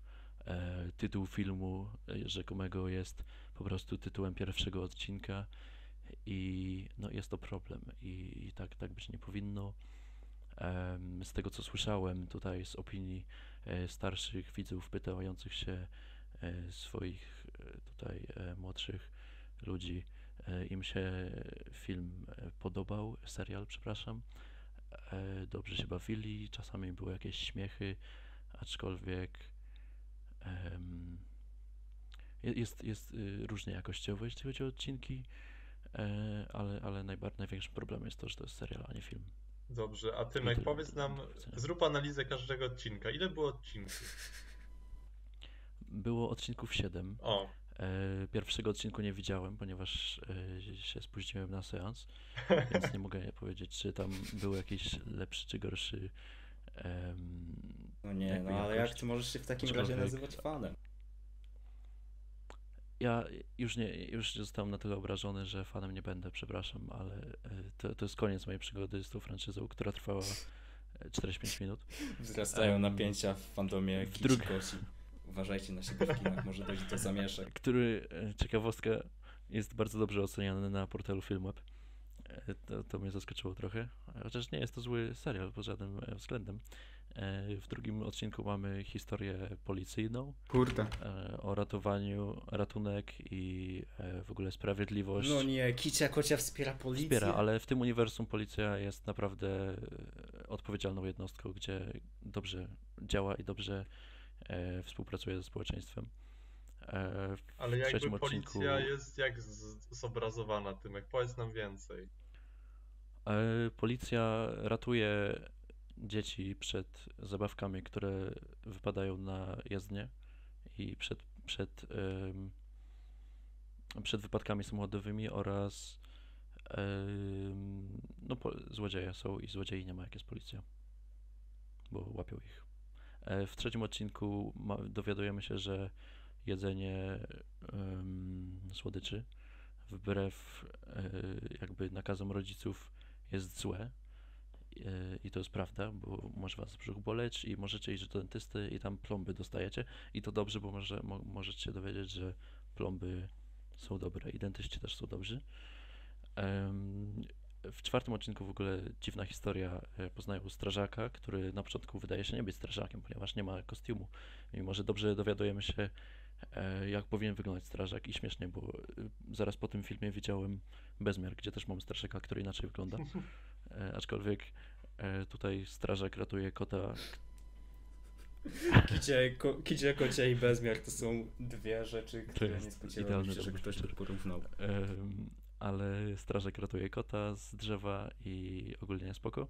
E, Piąty odcinek to jest podróż w ogóle do kosmosu, więc e, nie widziałem nowych odsłon szybkich i wściekłych. Nie wiem, czy tam już to się wydarzyło. Wiem, że było to zapowiadane. Mhm. E, może jeszcze tego nie było. Już się wydarzyło. No to Już się wydarzyło. Z Kicia Ale Kocia Kicia Kocia to dogania jest i to serial z etapie piątej 2019 roku, więc, więc e, nie wiem, czy to już wtedy się wydarzyło. W każdym razie, jakby wielkie dzieła ze sobą rozmawiają i mamy tutaj e, podróż w kosmos, gdzie dowiadujemy się, że na przykład Kupa też w kosmosie lata. O kurde. I było, bardzo, było na tym bardzo duże skupienie, nie wiem czemu, ale dziwne to było zobaczyć to na dużym, dużym ekranie. Znaczy, mieliśmy też ogólnie temat grawitacji i, i tego, jak działa to u wszystkich ludzi Tego nawet na Melies nie zrobił w 1902 roku.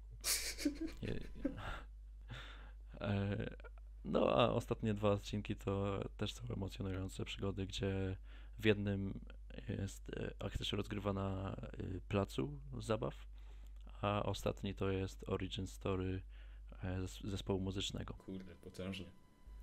Na pewno lepsze niż Bohemian Rhapsody.